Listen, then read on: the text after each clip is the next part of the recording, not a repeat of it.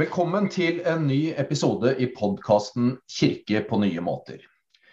Nå sitter jeg på Zoom. Jeg snakker med Jon Erik Bråten, som er eh, opprinnelig metodistprest, og som nå jobber som feltprest i Forsvarets tros- og livssynskorps. Velkommen, Jon Erik. Takk skal du ha. Det hadde jo vært hyggeligere å sitte på en kafé med en kopp kaffe og tatt denne praten, men eh, Zoom får duge i denne omgang? Ja, det, det, er, det, er, det er, ikke det samme som å sitte, sitte med en kaffekopp mellom oss. Men eh, nå er både covid gjør det litt eh, mer vrient, og så er det vel ca. 2400 km mellom oss også, i avstand. Det er det også. Så da er det greit å gjøre det sånn. Ja. Du jobber, som jeg nevnte, som feltprest i Forsvaret nå. Eh, det har du ikke gjort så veldig lenge, eh, litt over et år. Men kan du ikke si litt eh, hvor du er i verden? Du sa 2400 km herfra jeg sitter. Ja, det kan jeg gjøre.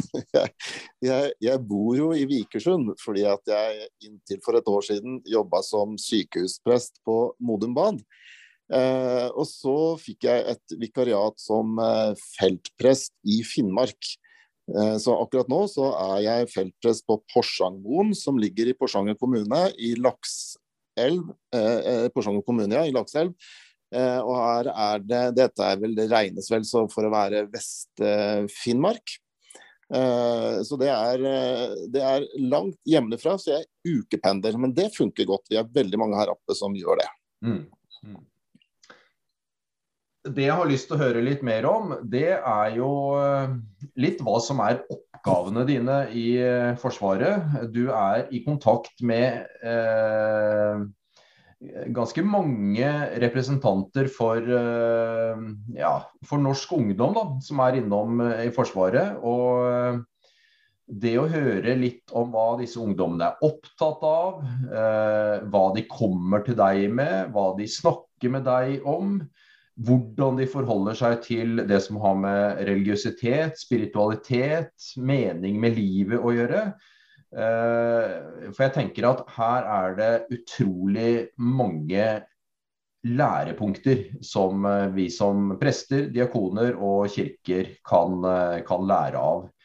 Kan du ikke først si litt om hva som, er, hva som er oppgavene dine som feltprest, og hvordan du opplever det? Det gjør jeg gjerne. Altså, vi pleier å si det sånn at vi som eh, er ansatt i tros- og livssynskorpset, vi eh, har fire hovedoppgaver. Det ene er å legge til rette for tros- og livssynsutfoldelse, som det heter. Vil si at jeg som feltprest selvfølgelig har gudstjenester eh, på ettermiddags- og kveldstid, som er for de som ønsker å delta på det, men også noen ganger eh, i mer offentlige sammenhenger. Men jeg skal som feltprest også legge til rette for at mennesker som har et annet livssyn enn meg, kan få utfolde den troen som, som de har. F.eks. her hos oss så er det å legge til rette for at de muslimske soldatene skal kunne ha et bønnerom som de kan bruke når de skal be.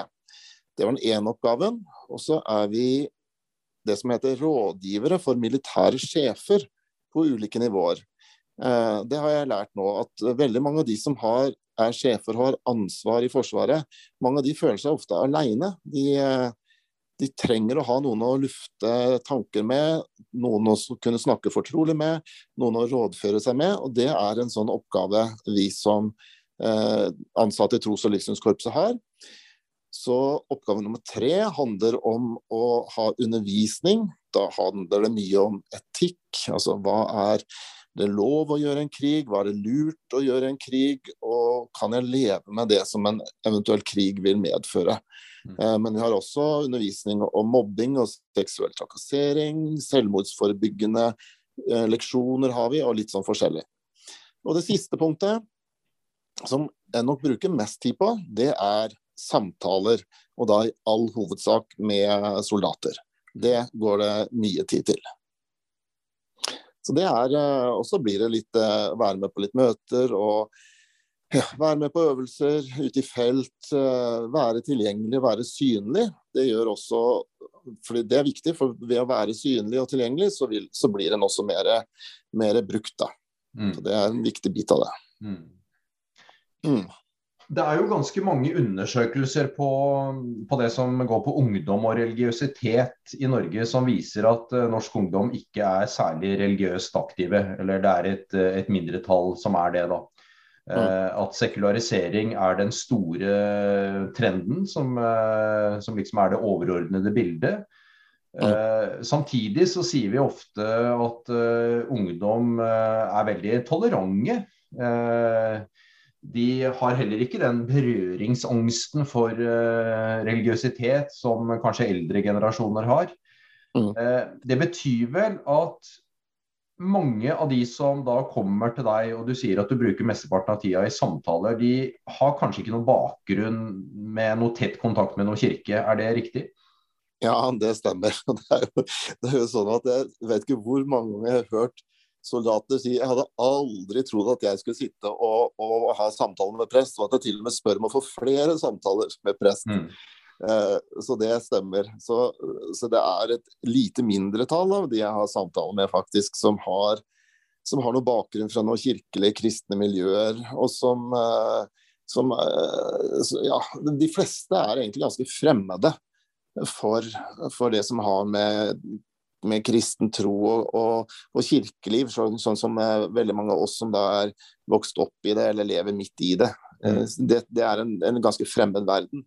Eh, men, eh, men likevel så, så, er det sånn at det er en stor tross alt en ganske stor andel av soldatene som ber om å få samtale med prest. For det er viktig å si at uh, det er de som tar initiativet, eller at det er befalet som anbefaler kanskje soldatene å ta kontakt.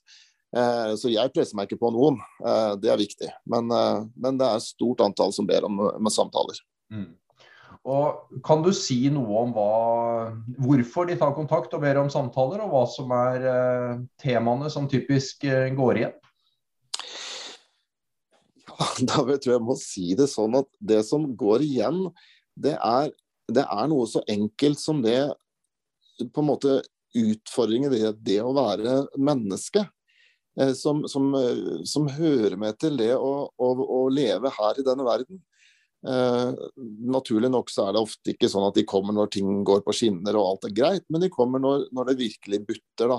Mm. Og, og, eh, og, det er det de har behov for å snakke om. Altså For å eksemplifisere det, så, så, så finnes det soldater som mister eh, en av foreldrene sine f.eks. mens de er i tjeneste, eller som opplever andre dødsfall.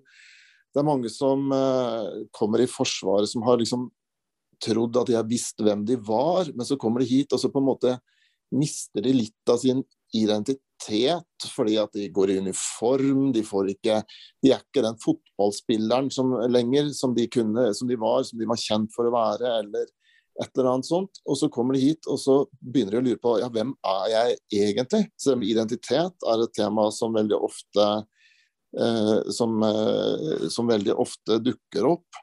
Eh, og så er det dette med, med, med, mening. altså Det er mange som sliter med det. Hva er egentlig meninga med livet? altså De kommer hit, og så finner de ikke noe mening her i Forsvaret. Og så aktiverer det litt sånn større eh, problemstillinger. Hva er egentlig meningen med livet? Men så må jeg også si det at eh, det er utrolig mange Eh, jeg er overraska over hvor mange, faktisk. Eh, jeg burde sikkert ha visst det, men jeg, jeg, har ikke visst det før jeg kom hit nå.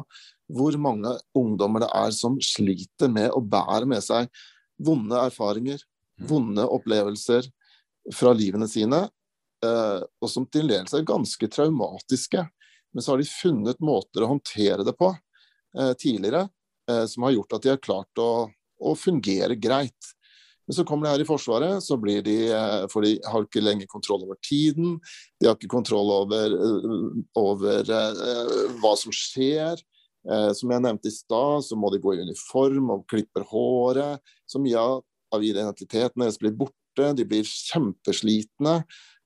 Kjørt hardt. Og da dukker veldig mye av det bakenforliggende. Mm. Altså erfaringer de har med seg fra tidligere, som har vonde og vanskelige. Da kommer det opp. Eh, sånn at jeg har samtaler med soldater, både gutter og jenter, som har vært ute for overgrep, som har blitt mobba, som har opplevd omsorgssvikt i hjemmet. Altså, det er mye sånt. Eh, og, og, som sagt, det er, jeg er overraska faktisk over hvor mange det er som bærer på sånt uten at de har snakka om det eller fått noe hjelp. Mm. Så kommer de hit, og så blir det aktivert. Og heldigvis da så finnes det mye gode befal som klarer å fange det opp. Det er kort vei til lege, det er kort vei til psykolog, og det er kort vei til prest. Og det er kanskje de prestene som er lettest tilgjengelige. Eller når jeg sier prest, så mener jeg også feltimamen og felthumanistene. De gjør også en kjempegod jobb på samme måte. Mm. Så ja, så når, når, du spør hva er det som dukker opp, så er det egentlig mye av det som handler om det å være menneske, som sagt. Mm. Eh, men da særlig det som er litt sånn krevende og vanskelig. Mm. Det er en litt annen måte å være prest på når du er i Forsvaret og beskriver den virkeligheten du beskriver nå, enn uh, både det å være prest uh, i menighet, men kanskje også på Modum Bad, der du var tidligere? Ja, det er sant. Uh, ja, det er, det er, mye jeg kan si om det. At det er en helt annen, altså det er en annen måte å være prest på. Altså jeg, jeg, har jo vært menighetsprest uh, i mange år også. Det er, må jeg si, det trives jeg utrolig godt med. Syns det er veldig meningsfullt. Uh, men da er jeg på en måte på hjemmebane mm. hele tiden. og de, jeg forholder meg til mennesker som velger å gå i kirke kirka, eller som har alltid gått i kirka, liksom kan bruke et språk som de fleste forstår. Eh, det er liksom våre, e, altså Da har vi egne tradisjoner og måter og ting å gjøre det på. Mens som måten jeg er prest på nå, eh, i enda større grad enn da jeg var sykehusprest, så er det sånn at jeg er på en måte jeg er ikke på hjemmebane på et eller annet vis. Altså jeg, eh, jeg er den eneste som går med kors på armen, på uniformen. Eh, jeg forholder meg til en, en hverdag og en virkelighet hvor veldig mange ikke har noe forhold til tro i det hele tatt. Og veldig mange, hvis de har noe forhold til tro, så er de bare negative eller har en del fordommer. Og så er det selvfølgelig mange som er positive òg, da. Men de har liksom ikke noe avklart forhold til tro. sånn at det blir Jeg må være prest på en annen måte. Jeg må være mer bevisst på hva er det jeg sier, hvordan sier jeg ting. For det jeg kunne sagt i en kirke, på en gudstjeneste, en preken der, det ville ikke folk forstå nødvendigvis. Her jeg er nå. Eh, sånn at, eh, og, og, igjen, da det jeg så vidt var innom i stad, i kirken så kommer Da på en måte nesten forventer vi at folk skal komme til kirken. Mens her er det Jeg har ikke noe kapell her engang, jeg. Sånn at eh, her er det ikke noe Jeg har gudstjenester i et uh, peisestue, men det er liksom ikke noe sted folk kommer til. Så det er jeg som må på en måte være skal vi si sånn, være kirken mm. uh, her jeg er. Uh, ja. Litt sånn på bortebane. Og samtidig så er jeg også på hjemmebane. Uh, det jeg kanskje i enda større grad for, har forstått nå, eller ser nå, det er hvordan mange av de mye av det vi snakker om i kirka, oppleves som lite relevant, på en måte. Um, jeg var innom språk i stad, det er nå én ting, men, men, en del av de tingene vi holder fram, og som vi også har i en del av liturgiene våre og sånne ting, det, det, det, det liksom, fester seg ikke. Det, er ikke noe som angår veldig mange av de som jeg møter her. Mm. Men når det er sagt, da, så mener jeg jo ikke at kirken eller den kristne tro er irrelevant. Tvert om så tenker jeg at vi har masse som vi har å formidle til mennesker generelt. Men vi må kanskje Jeg har vært litt sånn opptatt av at vi må i større grad prøve å, som kirke, eh, være lydhør for hva er det mennesker står i, hva er det de er opptatt av, hva er det som rører seg i dem. Og da kan vi tilbake til f.eks. det vi har snakket om nå, dette med å si at vi at vi kanskje i større grad kan snakke et språk som folk forstår. Vi skal ikke ta bort at, at det med at det, altså, at, at, det også skal være høytidelig, og vi må ikke gjøre språket vårt platt og sånt. Jeg tenker ikke på det, men, men snakke sånn at folk forstår. Snakke om det som folk erfarer, og si at dette er også noe som angår Gud. Eller eh, her Eh, jeg tenker på f.eks. dette med identitet. Hvem er det jeg er? Hva er det som gir meg identitet? Her har vi ting som vi også kan bidra med som kirke.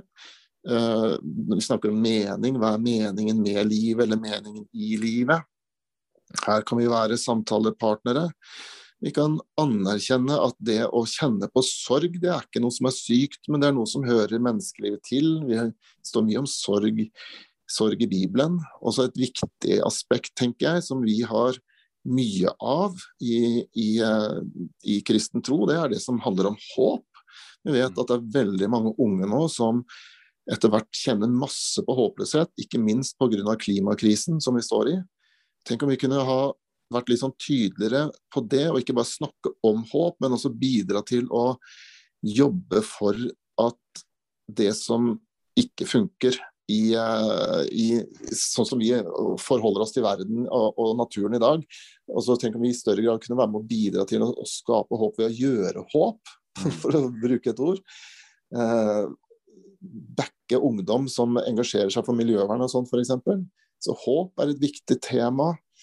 Ja, og så kan jeg fortsette, men, men kanskje nesten viktigst av alt er ikke nødvendigvis alt vi har å bidra med. Det er jo også viktig, men, men altså det er på en måte som er grunnfortellingen for oss sjelesørgere. Det er, det er, det er da, da, Jesus gikk sammen med de to disiplene til Emmaus. Mm. Eh, og Jesus eh, han brukte masse tid da på å lytte til de to disiplene. Og det finnes så mye helbredelse i det at det er noen som lytter. Det er jo kanskje nesten det viktigste jeg gjør. Det er rett og slett å kunne si 'her er jeg'. Fortell. Hvem er du? Jeg blir nesten litt berørt når jeg sier det. Fordi det er så mange som er så utrolig aleine, og som ikke har noen å snakke med. Eh, sånn at vi og vi som kirke tenker vel ofte at vi, så, at vi skal si så mye. Men tenk om vi i større grad kunne ha lytta. Det finnes det mye helbredelse i, som jeg nettopp sa. Mm. Jeg blir engasjert jeg, Knut, når jeg snakker om dette. Veldig bra. Det, og jeg tror jo også, eller jeg er helt sikker på, at uh, de soldatene som kommer til deg, de uh, møter virkelig en som uh, de kjenner at bryr seg. Det, det er jeg helt, helt, helt sikker på. Det er jo en hva skal jeg si, diskusjon akkurat nå med troens plass også i Forsvaret. Ja. Eh, eh, det ble tatt et initiativ fra en eh, som er offiser vel i Garden her i høst, som mm. kritiserte bl.a. den rollen og posisjonen eh, kristen tro har i Forsvaret, bl.a. med bønn på linja osv. Uh, og I den prosessen der så har en del eh, vært litt sånn redde for om dette vil føre til at, eh, at, Kirken får en mindre sentral plass i Forsvaret, at det vil gå utover ja, Kirkens mulighet til å være til stede for folk. Du er, er ikke så engstelig for, for dette her? Eh, nei, det, altså denne, dette er jo en debatt som, eh, som, pågår, og det vil vel skje ganske mye de nærmeste ukene eh, også nå, tror jeg. Så akkurat helt hvordan dette lander, vet jeg ikke. Men, men det, er, det, er, sterke krefter, de er ikke nødvendigvis så mange, men de snakker veldig høyt. Som sier at tro er en privatsak, og derfor må tros- og livssynskorpset ut av Forsvaret. Jeg tenker jo at det er en det er noe som ikke er bra for Forsvaret. Eh, og ikke bra for soldater og ansatte i det hele tatt. Eh, fordi, som jeg allerede har vært litt inne på, så finnes det Altså, de som er i Forsvaret, er jo mennesker som alle andre. Eh, og noen av de som er kritiske tros- og livssynskorpset, de sier ut med tros- og livssynskorpset og inn med psykologer og psykiatere. Og det har jeg også troen på. Vi trenger flere psykologer og psykiatere i Forsvaret. Det er ingen tvil om.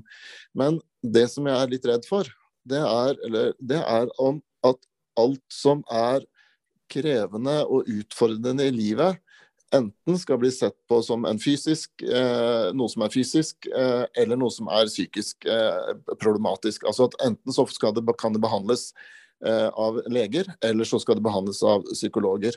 Eh, og, og, Sånn tenker jeg det ikke er. Eh, fordi det finnes så utrolig mye liv som handler om bare det å være menneske. Og her er det at vi i tros- og livssynskorpset kommer inn og er kjempeviktige. Eh, vi skal ikke nødvendigvis eh, være veldig tydelig misjonerende i det hele tatt, men være mennesker som kan eller ansatte og fagpersoner, viktig å understreke, fagpersoner, som kan snakke med mennesker om eh, eksistensielle spørsmål, eh, som vi har vært innom. Eh, sorg, død, mening, håp, skyld, skam, tilgivelse osv. Eh, og Det er det ikke hvem som helst som kan snakke med noen andre om. Det er noe som krever utdannelse og fagkompetanse. Og vi i Tros- og livssynskorpset, vi har det. Og ved å være til stede i Forsvaret, så kan vi bidra til å, å gjøre Forsvaret i stand til å løse den oppgaven som en skal løse. Altså rett og slett gi rom for at eh, soldater og ansatte kan ha kvalifiserte fagpersoner til å snakke om dette. Og så kan jeg være enig i at bønn på linja, sånn som det har vært praktisert, dvs. Si at en hel avdeling står oppstilt, og så kommer feltpresten fram og skal ha eh, lese bibelord, be en bønn og lyse velsignelsen, at det kan bli feil. Eh, så det kan jeg være enig i. Så kanskje vi i Tros- og livssynskorpset må endre litt måten vi jobber på der. Men eh, jeg tenker vi har en kjempeviktig eh, kjempeviktig funksjon. Og Det finnes en del forskning på dette også.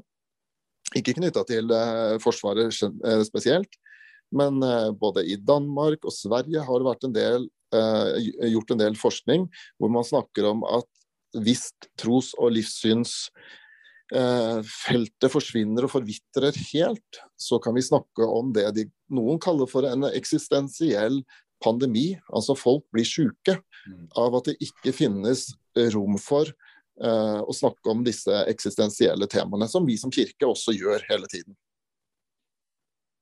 Jeg har bare lyst til å komme litt tilbake til noe som jeg, vi var inne på litt tidligere i samtalen. Dette med at, uh, at sekularisering er den store trenden også for ungdom. og og at veldig mange er fremmede for, uh, for kristen tro.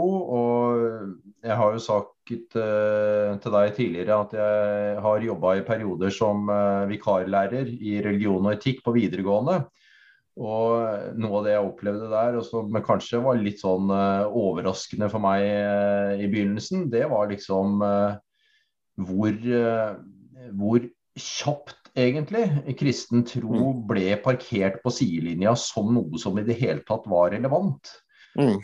At man liksom ikke så kristen tro som noe, noe sånn ressurs til å leve gode liv her og nå, da, i det hele tatt. Mm. At det var nærmest noe sånn fortidig, noe sånn museumsgreier og sånn. Og at religiøsitet det, handlet, det, var egentlig noe som var forbeholdt uh, enten muslimske innvandrere eller litt sånn uh, gammeldags uh, konservative kristne. Mm. Men noe som i veldig liten grad preger samfunnet.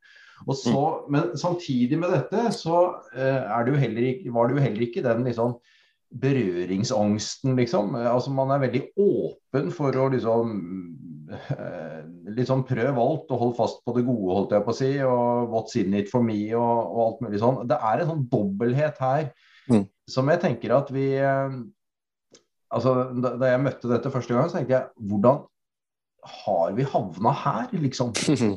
Ikke sant? Eh, jeg husker noen elever som sa til meg i fullt alvor at de var ganske sikre på Dette var, uh, dette var før uh, det kom noe vaksine og sånn, men det var, det var liksom i opptrappingen til at det skulle begynne å settes vaksine. Og mm. sa til meg i fullt alvor at de var ganske sikre på at, at kristne nok ville være imot å gi vaksine til homofile, for de likte det ikke, liksom. Og da tenker jeg liksom ah, Hvordan har vi havna der? Er det det som er inntrykket av Kirken? Da har vi virkelig en lang vei å gå, altså. Ja. ja jeg, må, jeg, kjenner jo igjen, uh, kjenner igjen det du sier. Både dette med at du tenker at det er noe gammeldags, det er noe irrelevant og alt mulig sånt. Og samtidig denne åpenheten. Um, for å knytte det an til det som er hverdagen min her nå, så har jeg, eh, når koronaen tillater det, da, så har jeg, har jeg kveldsgudstjenester annenhver uke. Eh, eh, og det, det, De varer en halvtimes tid. Eh, alle soldater blir invitert. Og jeg har vært overraska hvor mange det er som kommer. Mm. Uh, og mange av de som kommer da, for at etter en halvtimes gudstjenesten så, så, er det, så er det quiz og vafler og litt sånne ting. Men jeg tror ikke de først og fremst kommer pga. vaffel og quiz, men, men, rett og slett fordi de er nysgjerrige, de er åpne og har lyst til å prøve å lære litt mer. da. Mm. Eh, og, så, og, så, ser jeg jo at mange som sier at jeg er ikke, jeg er ikke kristen, spesielt kristne, altså. Men så går de og tenner lys på lysgloben. Mm.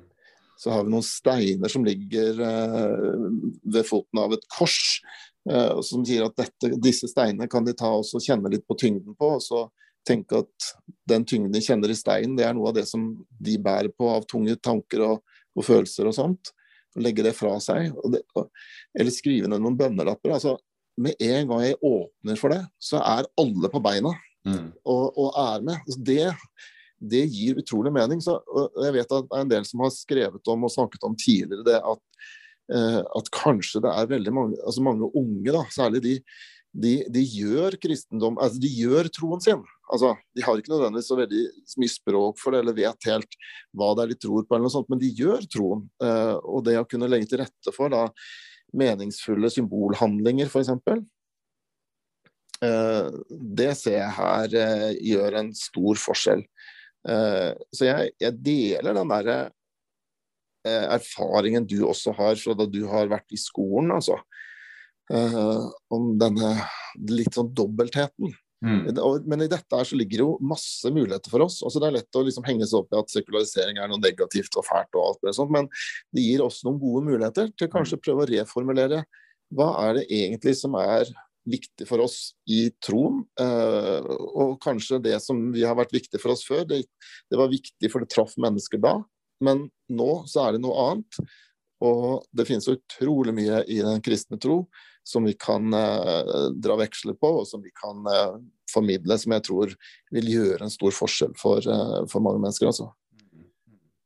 Og, og, det er kanskje veldig enig i det du sier, og det er kanskje også en utfordring eller ikke utfordring, men, men, en mulighet til å tenke at kirkens tilstedeværelse i, i samfunnet må, må, tenkes på andre måter enn det vi tradisjonelt har tenkt. da. Mm. Uh, og at i det uh, altså vi er, vi er, best tjent med å tenke på det som muligheter og ikke som problemer. Ja. Uh, for mulighetene er mange, og, og, anledningene til å komme i kontakt med folk er, er store.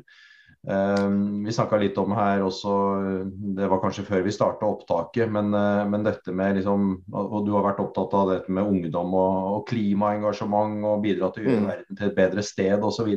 Mm. Og eh, altså betydningen av at Kirken er med på å skape arenaer for, et, for at et sånn type engasjement kan utspille seg.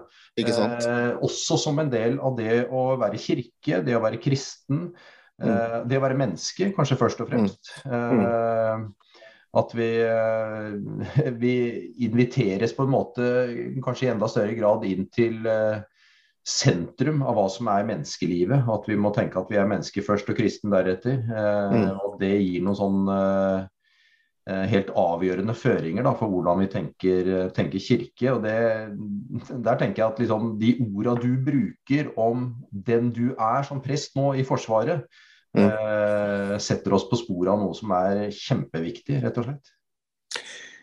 Jeg har av og til så kjenner jeg på en måte at jeg jeg er prest, eh, og jeg er prest i Metodistkirken. Men nå er det noen år siden jeg jobba som har vært ansatt i en metodistmenighet eller noe sånt. Og så noen ganger så kjenner jeg det nesten som at jeg uh, Uten grunn, vet jeg, men uh, at jeg svikter jeg kirken nå, på en måte. Uh, som, ikke, som, ikke, er en f.eks. menighetsprest. og samtidig så, så tenker jeg jo også at det gjør jeg jo ikke. Fordi at jeg er her. Går med kors på armen på uniformen. Og her er jeg i kirken. Uh, og det er så utrolig mange som bruker, bruker meg som prest. og sånn sett så er kirka til stede i en militærleir langt mot nord Uh, hvor det er ca. 600 mennesker eh, som, som, er samla, mer eller mindre frivillig. I hvert fall 600. Og her er vi, her er altså kirken til stede ved at jeg er her nå. Og, og det tror jeg gjør en forskjell. Og mange av disse soldatene som reiser herfra, jeg håper og tror at når de reiser herfra, så vil de tenke ja, ja. Uh, jeg kjenner ikke så mange Eller jeg, måten jeg har møtt kirken på i militæret, det gjør at jeg kanskje når jeg kommer hjem, kan tenke at jeg vil ringe til diakonen eller presten når, når livet butter. Eller når jeg blir pappa eller mamma en gang, så, jeg, så, blir det naturlig for meg å gå i kirka og døpe barnet mitt. Eller osv., osv. Så, mm. så um, ja, jeg tror det er helt enig at vi, vi Det å prøve å tenke at vi må kanskje gjøre, være kirke på en annen måte, som jeg vet du er opptatt av, det, det, det, det tror jeg er viktig, og da har vi mye å tilføre. Mm. Mm. Tusen takk, eh, Jon Erik, både for, eh, for, den tjenesten du gjør i Forsvaret akkurat nå, som eh, er betydningsfull for mange, og som Kirken også, det vil jeg si, er stolt av at du gjør. Og takk for denne praten også, hvor du deler av dine erfaringer og din kunnskap om om um, rett og slett hvordan, hvordan, være et medmenneske, hvordan være en kristen, hvordan utøve en prestetjeneste overfor uh, gjennomsnittlig norsk ungdom i dag, rett og slett. Ja, rett og slett. Takk skal du ha, og ha en fortsatt fin dag. I like måte. Ha det bra.